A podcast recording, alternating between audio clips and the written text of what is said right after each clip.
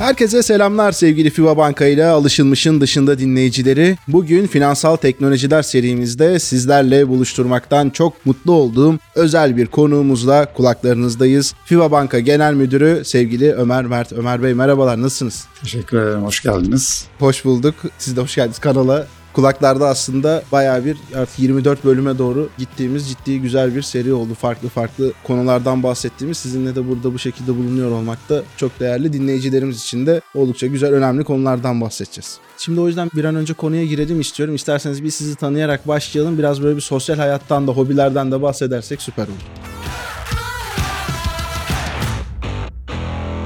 69 doğumluyum. 50'nin üzerine geçtik yaş olarak. Endüstri mühendisiyim. Bir çocuk babasıyım. 30 yıldır iş hayatındayım. Özellikle bütün iş hayatı da finans sektörünün içinde geçtiği onu söyleyebilirim. Özel hayat tarafında ise genel olarak iş çok yoğun bölümünü alıyor. Ama özellikle daha kolay basit şeyleri tercih ediyoruz. Basit sporlar, dizi, film konusunda da bayağı bir derinlik sağladık. Çünkü oturarak yapılan bir işlem olduğu için en kolay onu yapıyoruz.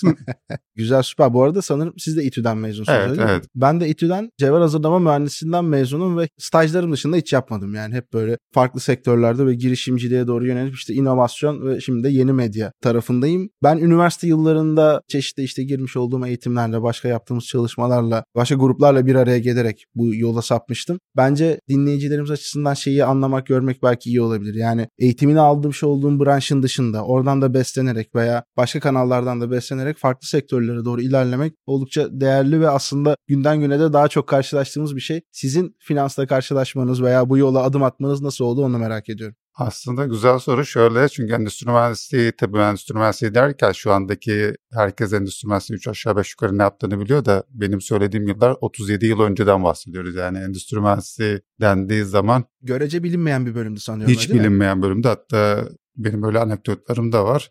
Aileme ya çocuk da başarılıydı ama seneye bir daha girer endüstri mühendisliği olmadı bir daha başka yeri dener gibi böyle yaklaşımlar da vardı. Gerçekten hiç kimsenin doğru dürüst anlamadığı bilmedi. Yani biz de çok bilinçli bir tercih ettik derken az çok araştırıp karar vermiştik ama endüstri mühendisliğinin şöyle bir şey var. Bir de İTÜ'de endüstri mühendisi olmanın daha farklı bir durum var. Çünkü makineden türemiş bir bölüm. O nedenle içine işletmeklenmiş. Tamamen böyle her şeyden anlayan bir ekipler yaratmaya çalışılmış. O dönemin Türkiye ihtiyacı olarak da. O nedenle endüstri mühendisi olarak mezun olduğunuzda kafa biraz karışık oluyor. Üretim sektöründe mi olsam, hizmet sektöründe mi olsam, başka sektörde mi olsam diye. Ben tam üretimcilerin başıydım. Yani mühendis dediğin üretim yapar kardeşim. Böyle iş, bankacılık, iş, finans bir şey olmaz. bir gün dahi üretimde çalışmadım. İş hayatından mezun oldum. Çünkü bizim iş hayatımız tabii Türkiye'de yaşanan bir dolu olay olduğu için ben de mezuniyetim 91. Birinci Körfez krizi yani Irak Kuveyt Savaşı'nın olduğu dönem olduğu için öyle istediğin yerde çalışma gibi bir opsiyonun yoktu. O dönem ne bulursak çalışabileceğimiz bir döneme denk geldiği için biraz aslında finansla tanışma istemesek de zorunluluklarla oldu. Ama dediğim gibi endüstri mühendisliğinin öyle bir avantajı vardı aslında. Daha geniş bir yelpaze olduğu için bize bu zaman söylenen insan, makine, paranın olduğu herhangi bir yerde olabilirsiniz diye.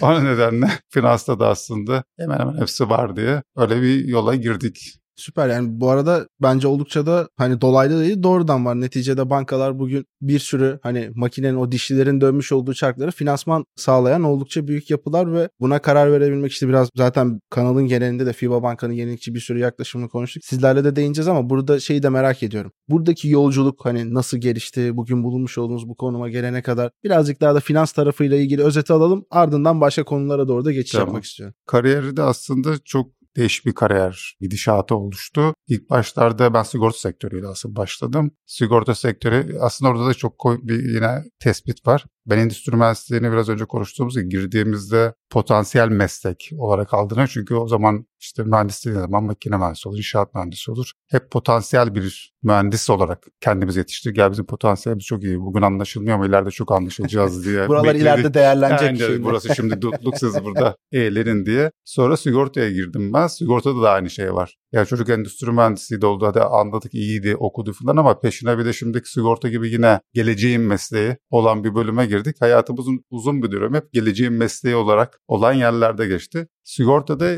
benim kariyerim biraz değişik dediğim bölümü şu. Ben yaklaşık ilk 10 yılında kariyerimin 10 tane ayrı şirkette çalıştım. İşte orada kafa karışıklığının göstergesi aslında işte endüstri mühendisliği sigorta sektörü kendini tam nerede bulur, nasıl bulurun karmaşıklığıyla 10 yıl içinde böyle birer yıl ortalamayla birçok şirkette işte sıfır kurulacak bir şirkette, kamuda, yabancı şirkette gibi bir dönem geçti. Biraz da dönemin gerekliliği de öyleydi. O zamanlar daha hareketli bir şey vardı. Ondan sonra ama son iki grubum yani FIBO Banka'da 12. yıl, Bundan önceki garanti grubunda da 8 yıla yakın çalıştım. Yani ilk 10 yılda 10 şirket, son 20 yılda 2 şirket olarak değişik bir kariyerle buraya kadar geldim. Süper ama bence işin şöyle bir kısmı var. Bu kariyerinizin ilk günlerinde farklı farklı bir sürü yeri deneyimlemiş olmak ve bir yandan da hani ben de girişimci olduğum için şeyi çok iyi anlıyorum. Yakın çevremden biz de hep yani yeni medya zaten ya yok muydu hani bunun bir ne zaman güncelini yapacaksın oğlum günümüzün işini yapacaksın gibi bir şey oluyor. Ben bunu bir geleceğe yatırım olarak ve aslında biraz da bir vizyonun da bir parçası olarak görüyorum ve bir yandan da aslında hani burada da kurum kültüründe oldukça aktif olan bir şeyleri denemekten korkmamak. Yani bir adım atmadan da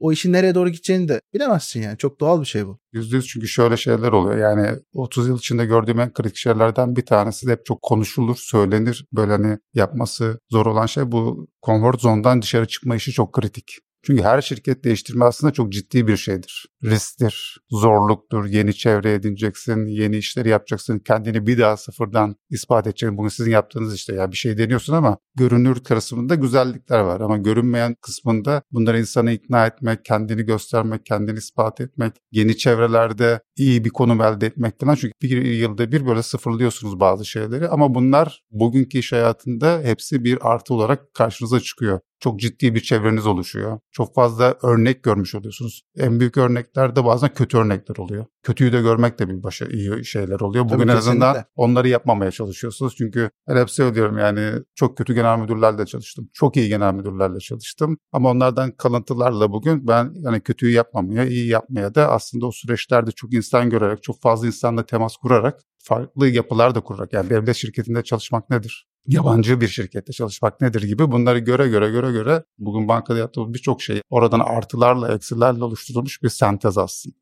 Kesinlikle. Şimdi bunların hepsi de bir kültürel yapıyı da oluşturuyor. Yani ben de çok şanslıyım ki bu kanalın işte bölümleri boyunca kurumun da içerisinden pek çok değerli konu ağırlama fırsatı buldum ve hepsinde aslında birkaç tane böyle anahtar nokta vardı. FIBA Banka'nın burada işte girişimcide inovasyona karşı olan yatkınlığı, bir banka olmanın ötesinde teknoloji alanında atmış olduğu çok ciddi atılımların olması ve bence çok fazla kurumla hem inovasyon hem yeni medya alanında çalışan birisi olarak da söylüyorum. Gerçek çıktılara bunu oturtabiliyor olmak bence inanılmaz değerli bir şey. Burada da şunu da öğrenmek istiyorum. Sizin ve işte kurumun burada hem vizyon anlamında hem kurum kültürü anlamında ortaya koyduğun ne gibi böyle temel değerler var yani çünkü bu ancak bazı böyle temel saç ayaklarına oturması gerekir ki öyle sağlam bir şekilde yükselebilsin. O yüzden orayı merak ediyorum. Şöyle biz bankayı dönüştürme kararı aldığımızda 2017 yılında biraz zorunluluk, biraz da orta uzun vadeli dünyanın gideceği yeri de tahmin ederek bir yapı oluşturmaya çalıştık. Orada da gördüğümüz şey şu, klasik bir konvansiyonel bank olarak devam etmeye kalksan Türkiye'de o kadar büyük rakipler var ki Türkiye çok farklıdır diğer dünya örneklerinden. Her farklı ülkelere baktığın zaman bir iki tane büyük oyuncu vardır. Sonra küçükler falan vardır. Türkiye'de ise 10 tane büyük banka var. 13-14'e de çıkartabilirsiniz. 4-5 tane kamu büyük bankası var. 5-6 tane büyük özel banka var. Siz daha ufakça bir banka olarak yeni bir şey yapmak istiyorsanız onlarla onların bildiği yoldan en iyi yaptığı şekilde savaşamazsınız. Bir rekabet de edemezsiniz. Fark da yaratamazsınız. O nedenle biz işi tamamen dijital ve teknolojide fark yaratabileceğini düşünerek oraya kaydırdık. Neden? Çünkü fiziki kanallarda sonuçta şube açarak onlarla savaşmanız mümkün değil. Çünkü çok uzun bir zaman alacak. Aynı zamanda çok maliyetli.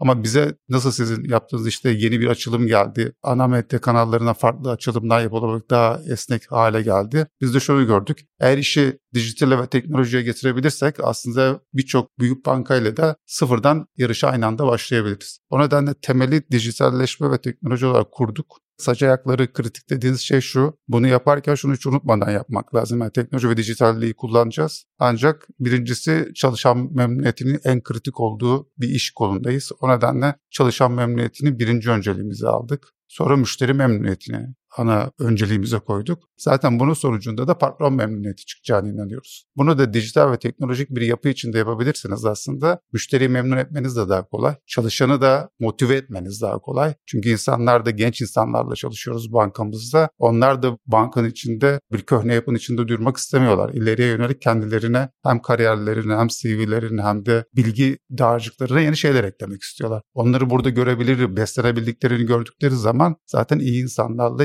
işler çıkarma durumu çıkıyor. O da hem çalışan memnuniyetini gidiyor. Çalışan zaten memnunsa müşteri memnun olur bir yerde.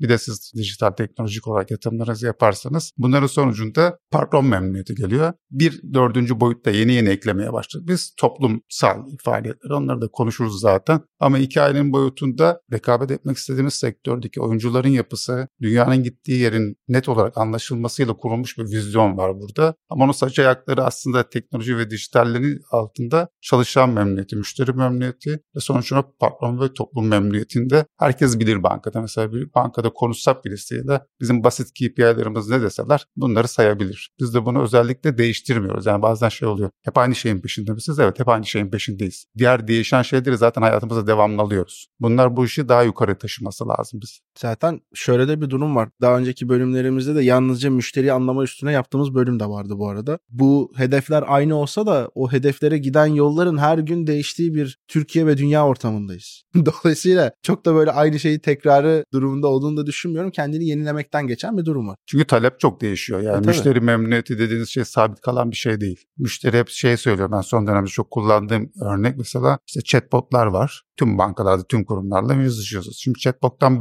beklentiler geçen seneyle bu sene chat GPT kullandıktan sonra aynı olabilir mi? İmkansız. Yani müşterinin beklentisi birden ciddi şekilde zıpladı. Çünkü karşılaştıracağı bir şey ne olduğunu bilmez müşteri. Arkasındaki hangi teknoloji, hangi şeyi kullanıyorsun. Senden beklentisi bu. O nedenle beklenti oraya gittiyse senin hem teknolojik olarak oraya gelmen lazım hem de bakış açı olarak onu yakalamaya çalışman lazım. O nedenle KPI'ler sabit olsa da talepler sabit değil. Devamlı Kesinlikle. yukarı çıkıyor. Bu arada ya yüzde yüz bir doğru örnek daha geçtiğimiz haftalarda okuduğum bir yazı vardı bir teknoloji editörünün. Eskiden banka ve çeşitli teknoloji firmaları için bu chatbotlar bir alameti farikayken şu anda tamamen topluma tabana yayılmış olan ve hani her yaştan herkesin rahatlıkla ücretsiz veya çok küçük ücret ödediğinde de zaten daha da dünyaların böyle açıldığı bir ortama geldi. Bakalım what is next diye böyle bir içeriği olan bir yazıydı. Şimdi şeye gelmek istiyorum. Biraz önce de söylemiştik. Hani bir banka olmanın ötesinde bir durum var ortada. ARGE ve inovasyonla ilgili de ciddi çok büyük bir takım var çalışan ve bunlarda bir sürü somut ortaya güzel çıktılar koyuyorlar. Hatta diğer bölümlerde konuklarımızdan bildiğim kadarıyla ciddi anlamda da bir deneme süreci de var. Yani ki yazılım işlerinde bu ARGE'yi ve denemeleri yapmak kolay işler değil. Cesaret, işte güç, para, kaynak, vizyon bir sürü şey gerektiriyor. Sizin buradaki yaklaşımlarınız nedir? Bu alanı nasıl ele alıyorsunuz?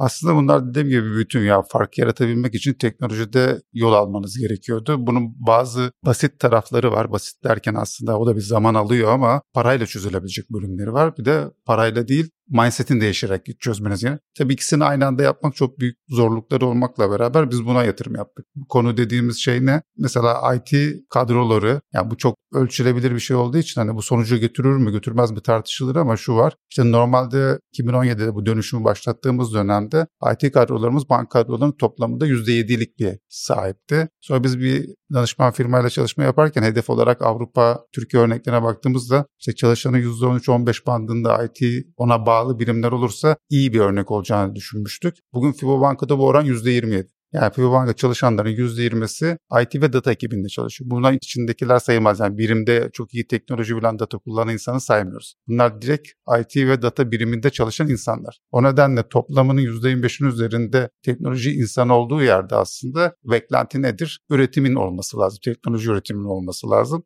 Kişi sayısı dediğim gibi de aslında şey maddi olarak çözülebilir. Altyapısal yatırımlar, işte server yatırımlarınız, yeni tool'larınız alınması falan gibi şeyler de boyutunun üzerinde yapmanız gerekiyor. Bunlar da çünkü çok hızlı değişen ve gelişen şeyler. Biz bir dönem çok ciddi şekilde insan tarafına ve altyapısal taraflara yatırım yaptık. O da tabii ne çıkardı? Sonuç. Sonuçta ne bugün itibariyle Fibobanka hem sektörde farklı olarak büyük bankaların yaptığı dışında küçüklerin orta ölçekteki bankanın birçoğunun yapamadığı işi yaptı. Tüm yazılım işi bankanın kendisinindir. Ya bugün Fibobanka kendi core bankacılık yazılımını kendisi üretiyor ve bunu yapabildiği için çok fazla esnekliklere sahip. Bugün Türkiye'de belki konuşuruz. Dijital bankacılık, servis bankacılığı, açık bankacılık gibi kavramlar konuşuluyor. Türkiye'de açık bankacılıkta en fazla hazır API'si olan banka Fibo Banka. 400'ün üzerinde API'si şu anda hazır ve açık bankacılık kapsamında, servis bankacılık kapsamında kullanabilecek halde. Bu arada inanılmaz önemli bir iş. Bu günden güne çok böyle disruptif bir ortam yaratıyor. Yani hiç beklemediğimiz firmaların birdenbire kendilerine fintech özelliği katabildiği bir altyapı sağlıyor oluyorsunuz. Aynen çünkü şey var. Yine bir boyutu bizim hani dijitalleşmeyi yaptık, IT yatırımlarımızı yaptık. Bunun yanında biz Finberg'i de kurduk. Finberg nedir? Tam da aslında gelmek istediğim yerlerden birisiydi orası. Evet aslında sizin bir önceki yayınlarınızda da konu olan başlıklardan bir tanesi olduğu için Finberg de bu büyük resmin önemli bir parçası. Finberg de ne yapıyor? Aslında bildiğimiz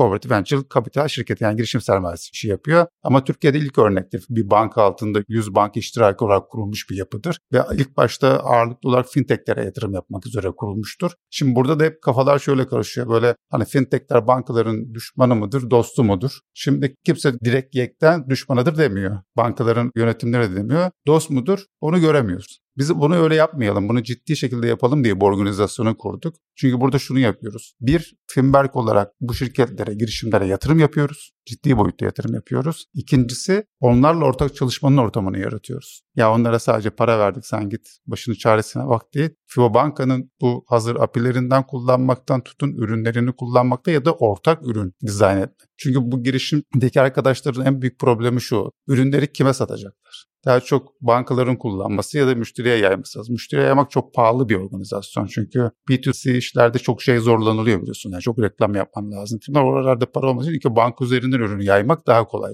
Biz kendimizi aslında kullandırtıyoruz gelsinler, bizim üzerimizde yapsın ürünleri, müşteriye ulaştırsınlar. Belli bir ölçüye geldikleri zaman da gitsinler başka bankalarla ya da başka organizasyonlarla da çalışsınlar. Biz hiçbir zaman kısıtlı koymuyoruz. Finberg de aslında ya bankanın dijitalleşmesinin içindeki önemli parçalardan bir tanesi de teknoloji yatırımlarının dışında açtığı servis bankacılığı, açık bankacılık gibi API'lerinin dışında buralara yatırım yaparak da ekosistemi daha büyüterek devam etme konusu. Aslında bankın temel vizyonunun ana unsurları, ayakları bunlar olarak devam ediyor. Finberg de bu konuda bence ciddi bir boşluğu kapadı sektörde. Hatta bizden sonra diğer bankalar, kurumlar da bu işe girmeye başladı. Biz de Finberg'de bir sonraki boyuta geçtik aslında. Bu sonraki boyutta dediğimizde nedir? Sadece artık fintechlere yatırım yapmıyoruz. Retail techlere, cyber security'ye, az da olsa gaming işi var. Başka konular da geldikçe artık bunları da değerlendirir bir hale geldik. Çünkü hem yarattığımız fon hem tecrübemiz arttıkça bu ekosistemi büyütmeye devam ediyoruz. Bu da bizim açımızdan şunu sağlıyor. Aslında başta çizdiğimiz vizyonun hem çalışan tarafından hem de müşteri tarafından hem de patronlar tarafından görünür hale gelmesi sağlandı. Artık yani bir vizyon var. İşte buraya ulaşacağız herhangi bir günde. Oraya giden yollarda adımları göstermeniz gerekiyor. Çalışan da görecek. Ya biz Finberg diye bir şey kurduk. Yatırım yaptık. Yatırımlardan hatta çıkışlar da sağladık. Onları bankoda kullandık. Çünkü hep şunlar oluyordu. İlk kurduğumuz zaman biz bir fintech'e yatırım yaptığımız zaman bizim ekiplerde genelde ruh hali şöyle oluyor. Ya biz onu yaparız ya onlarla niye çalışıyoruz gibi o klasik. Şimdi öyle değil. Şimdilik nasıl el ele yapabiliriz? Diğer nasıl kazandırabiliriz hem ona hem bize? Çünkü şunu görmeye başladık. Bankanın bazen kazandığı para kadar oralardan eksilerek para kazanma ihtimali de var. İkincisi birbirimize teknoloji transferleri yapabiliyoruz. Yani sizin açınızdan çalışan insanlar var. Kendi kadronuzda değil ama bu riski almış. Hatta sizden daha fazla risk almış insanlar var. Onlar sizle çalışmak istiyor. Bundan daha güzel bir şey yok. O nedenle bu sürecin de aslında bu kadar iyi olması umarım ki sektöre de diğer şirketlere de örnek olur. Mesela biz kendi grup şirketlerimizde görüyoruz. Banka bu yolu açtıktan sonra grup şirketlerimizde bizim Parakende grubumuz, işte girişim varlık şirketimiz, faktörün şirketimiz ve diğer şirketlerimiz de bu yoldan gelmeye başladılar. Kesinlikle. Bu arada Finberg'in yatırımları da hani ekosistemin içerisinden böyle şey olarak da söyleyeyim konuşulan ve bilinen, takip edilen yatırımlar. Bir yandan da işin şu kısmı var. Aslında siz bir nevi ortak inovasyon da yapıyorsunuz. Türkiye'de bunu görmeye biraz hasretiz yani. Daha böyle işte ülkede hani hepimizin çeşitli adını bilmiş büyük böyle girişimlerin exitlarını yapmış olduğu dönemin o kurucuları hep işte şeyi anlatırlar. Yani bizim dönemimizde şöyle fon yoktu, böyle yatırım yoktu vesaire. Şimdi günümüze geldiğimizde özellikle son 3-4 yıldan beri bu fon işleri işte Finberg gibi yapıların da önderliğiyle ve ortaya koymuş olduğu vizyon aslında bir nevi yol açma bu. Yani nasıl gidecek olduğu görülüyor. Bununla birlikte daha da artmış durumda. Şimdi yeni kabullenilmesi ve ilerlenilmesi gereken hani bu iş dünya standartlarında yapılacaksa biraz önce söylediğiniz şey konusu çok kritikti yani hani bunu biz de yaparızdan birlikte neyi nasıl yaparız noktasına gelebiliyor olmak. Böyle bu denli çok büyük ölçekli bir firmayla hani sermayesi görece kıyaslayamayacak seviyede olan ama üretmiş olduğu değer ve o dikeye böyle abi yani tabirle belki de kendi hayatını adama yolunda giden bir girişimcilik hikayesi birleştiği zaman ortaya çok güzel işler çıkıyor. İşte biraz önce bahsetmiş olduğunuz dönüşümü sağlayan çıktılar elde ediliyor. O yüzden bölümün başından böyle somut çıktılar derken bunlar da elde vardı ve bence çok önemli. Bu işlerin de bir parçası bence siz de hani başlarda da söylediğiniz etki, topluma dokunabilme, işte sosyal etki yaratabilme ve sürdürülebilirlik gibi alanlar var. FIBA Banka olarak işin bu tarafında nasıl bir duruş sergileniyor? Bizde yine grubun çok büyük avantajı var. FIBA Holding zaten bu konularda çok hassas olduğu için bizim için bazı şeyler hazır geliyor. İşte vakıfların olması, zaten grubun özellikle bu konularda yatırım yapıyor olması, temiz enerji için içinde olması gibi böyle hani bazı kolaylıklarımız var ama ben burada iki tane konuyu biraz daha az konuşun. Aslında bu sürdürülebilirlik konusu çok geniş kapsamlı bir şey. Çevresinden politik şeye kadar bir dolu konu var ama biz mesela neyi çok son dönemde öne getirmeye çalışıyoruz? Tabii ki yapılması gerekenleri yapmakla beraber iki konu kritik. Bir cinsiyet eşitliği ki grup bunu sektörde çok farklı hale getirdi. Yani FIBA Holding olarak da burada çok ciddi yol almıştı. Bir de FIBA Bank olarak da biz işimiz eşitlik dediğimiz bir konumuz var. Yani diyoruz ki kadın erkek eşitliği böyle sözde değil. Gerçekten hayatı geçmiş mi FIBA Banka'da? Bu konuda ciddi hem ekiplerimiz var hem klasiktir ama komiteler var, gruplar var, insanlar çalışıyor ve çıktı üretiyor. Burada sadece şunu düşünmüyoruz tabii yani kadın çalışan oranı nedir gibi böyle basit parametrelerle bu işi yönetmiyoruz. Yani bunlar da kritik, bunları da sağlamak lazım ama iş hayatındaki kadının durumunu, statüsünü sadece böyle alt kadrolarda kullanmadan yönetici kadrolarında ne kadar var, ücret eşitliği var mı, kadının hayatı, ev,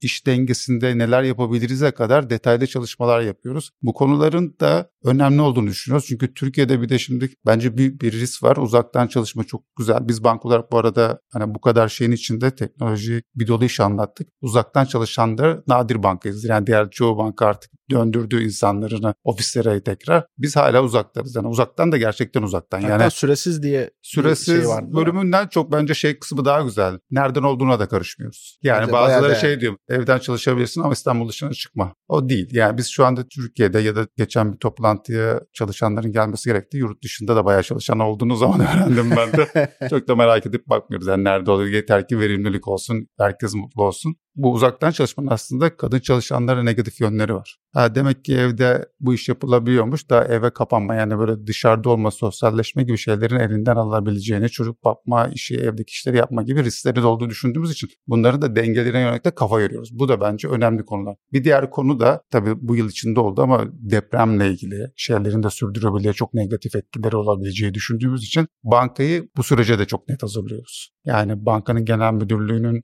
Ankara'da kopyalanması gibi ama böyle sadece bina gibi değil yani hem teknolojik olarak hem kadrolar olarak hem de yapış şekli olarak uzaktan çalışmayı bu amaçla kullanmak da çok önemli. Çünkü İstanbul dışına gitmesi için insanları teşvik etmeye başladık. Yeni alımları daha çok İstanbul dışından yapmaya çalışıyoruz. Herkes bunu böyle düşünse aslında ülkede bu İstanbul bağımlılığı da orta vadede çözülecek belki yani kısa vadede çözmek kolay değil ama işte neden insanlar Eskişehir'de çalışmasınlar? Neden İzmir'de? Zaten İzmir'i çok tercih ediyorlar da böyle hani Eskişehir gibi ne bileyim Konya gibi Ankara gibi hatta Güneydoğu'daki bazı illerimiz gibi altyapısı da müsait olan illerde neden çalışmasınlar? İnsanlar ailelerinden koptu bir de İstanbul'da hayat pahalı. Her şey zor. O nedenle bunu da aslında sürdürebilme kapsamında hem kadın eşitliği konusu çok kritik bizim gündemimizde olan her zaman olan bir de depremle ilgili ülkenin yapması gerekenlerin dışında biz şuna da çok iniyoruz. Bireysel sorumluluklar da çok önemli. Hem insan çalışanlarımızı hayatı çok değerli hem müşterilerimizin hayatı çok değerli ve bunu da sürdürülebilir hale getirebiliyor olmamız lazım.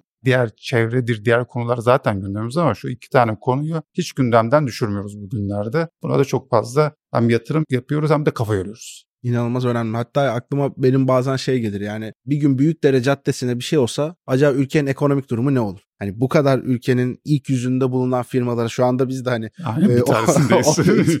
bir şey olsa hani Allah korusun. Gerçekten bunun acaba sonucu nasıl olur ve ilk uzaktan çalışmada gündeme geldiğini hatırlıyorum. Yani bir dönem böyle bir şey konuşulmuştu. Yani belki de bu birkaç tane hani bunun gibi bölge sayılabilir belki irili ufaklı. Buralardan bir dağılıma gidip çeşitlenebilmemiz için aslında bir avantaj olarak kullanılabilir gibi şeyler vardı ama tabii sonra bir sürü dağıldı konular yeniden vesaire. Bunun güzel bir örneği aslında bu anlattığım. Ya işte biraz önce söylediğim gibi teknoloji artık buna müsaade ediyor. Yani Covid aslında hani bin tane lanet şey getirdi hayatımıza ama bazı şeyleri de mesela biz bu kadar rahat uzaktan çalışabileceğimizi düşünmüyorduk. Kendi kendime in- inancımız yoktu. Yani yapabilir miyiz diye. Şimdiki yapabildiğimizi gördük. O zaman bunu tekrar normalleştirmek, eskiye dönmek bence başarılı olmaz. Çünkü ülkenin ayrıca bir riskleri de var biraz önce söyledim yani. Büyükdere Caddesi düşünün. Bütün fabrikalar burada. İnsanlar, okullar, köprüler riskli yer yani sonuçta. O nedenle bunu yapmak için aslında tabii ki herkes yine işte devlet bir politika çizsin onu bekliyor ama ben hala şunun peşindeyim. Bu durumlarda hem kurumların inisiyatif alması lazım hem bireylerin inisiyatif alması lazım. Biz o yönde bank olarak ciddi şekilde bu konuya kafa yorup yatırım yapıyoruz. Yani ve projelerimizi ürettik. Bu tabii 100 günlük proje var, 3 yıllık boyutu var falan. Çok planlı. Bu bankaya da orta uzun vadede başka esneklikler de getireceğini düşünüyorum ben. Kesinlikle ben de yüzde yüz eminim. Valla derinlikli olarak bir şeyleri bu kadar konuşabilmek ve böyle önemli başlıklara yer verebilmek bizim podcast mecrasında oldukça önem verdiğimiz ve dinleyicilerimizin de sevdiğini bildiğimiz bir şey. Onun için teşekkür ederim. Şimdi bölümün sonuna doğru geliyoruz ama sormak istediğimiz sorumuz da çok yani. Bunun gibi 10 tane daha bölüm yaparız sizinle ve bu sohbet akıcılığıyla. O yüzden ben bir 3-4 tane böyle hızlı hızlı hani 1-2 dakikada cevaplanmalık soru soracağım. FIBA Banka'nın gelecek dönemler için ne gibi stratejileri var? Biraz önce anlattığımız konuların toplamında geldiğimiz nokta şu aslında. FIBA Banka hep klasiktir ama bence değerli bir şey. İşte bankacılık lisansı olan teknoloji firması olmak. FIBA Banka'yı biraz şöyle konumlandırıyoruz. Aslında biz teknolojik bir holding şirketi olacağız. Yani bir holding olacağız teknoloji. Altımızda bir dolu yapımız olacak. İşte servis bankacılığı bizim için çok büyük gelişim. Türkiye'deki en iyi servis bankacılığı altyapısına sahip bankayız şu anda. Onun dışında kurduğumuz şirketlerimiz var. FIBA sigortamız var. FIBA emekliliğimiz var. FIBA portföyümüz var. Finberg'imiz var. Şimdi birkaç tane daha potansiyel şirketimiz var. Bir de Finberg altında yaptığımız yatırımlar Finberg var. Bir de Finberg'in altından seçtiğimiz bazı stratejik yatırımlar var. Onlar daha büyük yatırımlar yaparak FIBA Bank altında büyük bir ekosistem kurmaya çalışıyoruz. Bu da içinde çok geniş yelpazede büyük müşterilere ulaşan ama dijitalleşmeyi ve müşteriyi öne koyan bir yapıyla bunları büyütmeye çalışıyoruz. Aslında vizyon böyle baktığınız zaman FIBA Bank'ı düz bank olarak anlatmaya çalıştığı zaman dersiniz ki ne yapıyor bu ya kafası karışık gibi anlayabilirsiniz. Aslında kafamız karışık değil kafamız çok net. Biz yeni bir dünya yaratmaya çalışıyoruz. Dediğim gibi bankacılığa da yeni bir soluk getirmeye çalışıyoruz. Bunu son 6-7 yıldır yaptık. Ama bundan sonrasında bize baktığınız zaman 5 yıl sonra belki banka mı başka bir şey mi biraz anlaması zor olur ama bizim kafamız çok net. Süper. Bu arada biz bunu bazı dinleyici yorumlarımızda da alıyoruz. Bir sürü banka içeriğine bakıyor tüketiciler. Girdiğimizde bir bankanın hani kendi pazarlaması veya işte genelde şeydir ya yatırım tavsiyesi olmayan yatırım tavsiyeleri modunda içerikler falan olur. Ya teknolojisi, inovasyonu vesairesi falan konuşulunca bizim normal günlük hayatta dinlediğimiz farklı, güzel, orijinal bir içerik olarak bize geldi gibi yorumlar alıyoruz. Bu da aslında o vizyonun da bir parçası olarak her alanda kendisini gösteriyor. Birazcık da kapatırken size doğru dönmek istiyorum. Çok yoğun bir iş hayatı içerisinde ve aslında hayata da geçirmek istediğiniz bir sürü farklı farklı da konuları peşinden gidiyorsunuz. Bunun ne kadar böyle yorucu olabileceğini de tahmin ediyorum. Sosyal hayatta bunu nasıl dengeliyorsunuz? Biraz dinleyicilerimize de tavsiye olması adına son 200 soruyu da öyle ayırdık. Ya aslında sosyal hayat kısmı çok daha basit planlayarak yapıyorum. Ben her şeyi aslında çok fazla çalışmayı şöyle yapıyorum. Ben çalışmayı 24 saate yaydığınız zaman aslında yoğunluklar böyle bir yerde yoğunlaşmıyor. Ben böyle hani cumartesi işe gelelim, akşam mesaiye kalalım, sabaha kadar hep beraber bir çalışıyor, imajı yaratalım şeyinde değilim. Yani isteyen istediği zaman gelsin beni çok ilgilendirmiyor ama ben kendime bakınca kafada gerçekten 7-24 çalışıyor işle ilgili şeyleri. Çünkü benim şöyle bir avantajım var tabii ki herkesten fazla. Ben operasyonel bir görevde değil.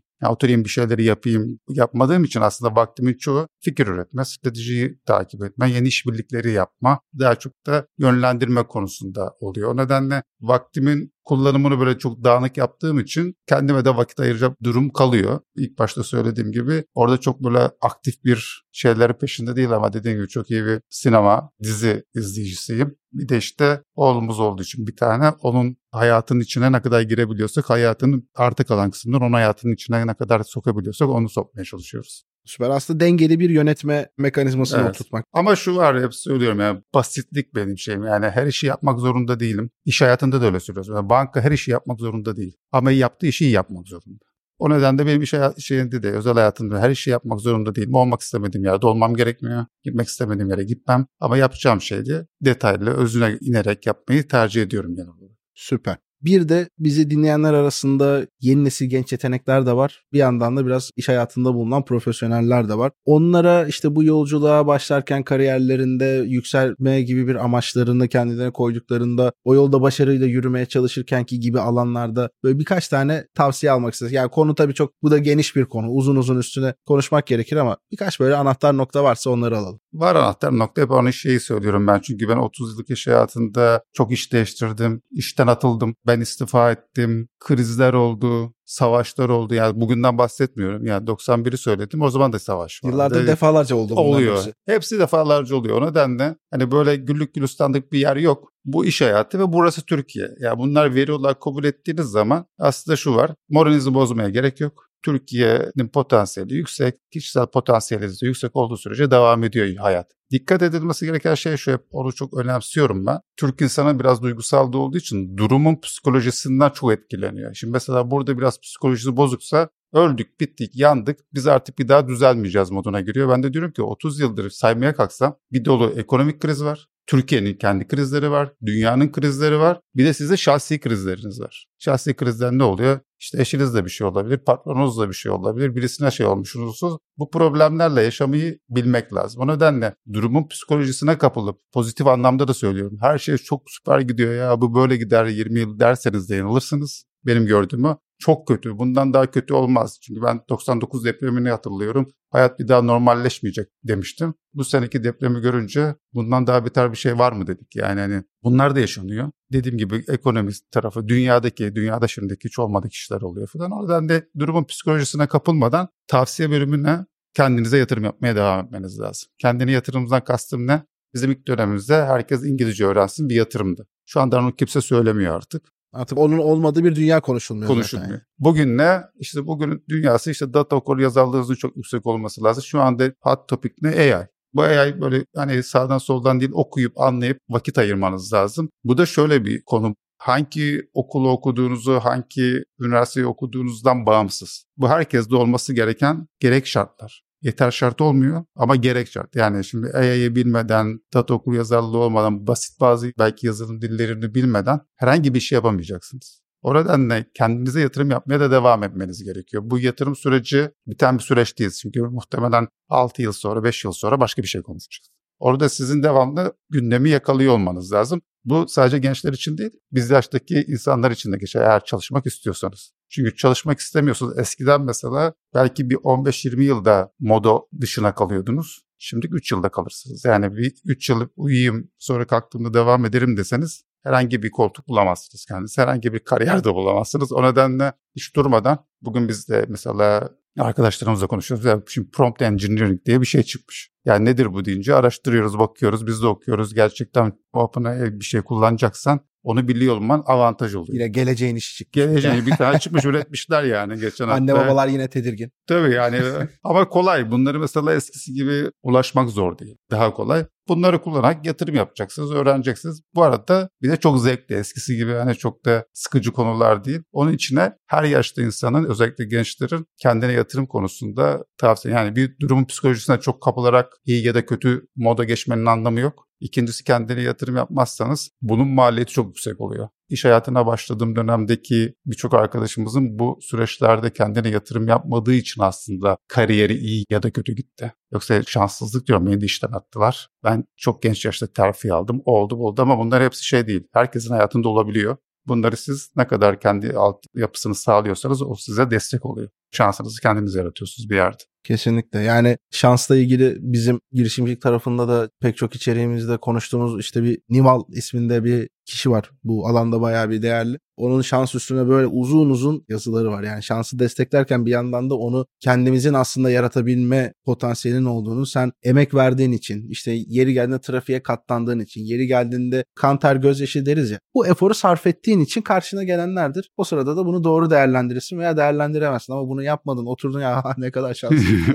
hani e, böyle bir dünyada yok der. Biz de ona katılıyoruz. Sizin bu söylediğiniz de aslında onunla oldukça uyumlanıyor. Valla Ömer Bey çok teşekkür ederiz. Yani genel olarak işte her gün biz aslında bir sürü bu tarz farklı farklı içerikler üretiyoruz podcast alanında ama özellikle şunu seviyoruz. Farklı farklı konuları konuşabildiğimiz ve bunları hem böyle derinlikte hem de şeyi vurguladınız ya bence onun da güzel bir etkisi var burada. Hani basitlik, sadelik. Hayatın aslında biraz böyle bir yönü var ama o da bence biraz şeyden de geliyor. Böyle yoğun bir karmaşaya girip çıkıp oradan böyle bir kendini sıyırdığın zaman aslında olaylara daha basit bakabileceğini görüyorsun diye düşünüyorum. Çok keyifli güzel bir bölüm oldu. Ağzınıza sağlık. Son olarak eklemek istedikleriniz varsa onları alabiliriz. Ardından dinleyicilerimize güle güle diyebiliriz. Çok teşekkür ederim. Güzel bir sohbet oldu. Nasıl geçtiğini anlamadık. İnşallah dinleyenler açısından da öyle olur. Ayşe, süremiz daha aslında olsa bu arada uzatmayı ben de isterim yani. Güzel. Gelen tepkilere göre belki bir tane daha iki tane Vallahi daha yaparız. çok seviniriz. çok seviniriz. Evet sevgili dinleyiciler bildiğiniz gibi tüm bölümlerde konuklarımızdan aldığımız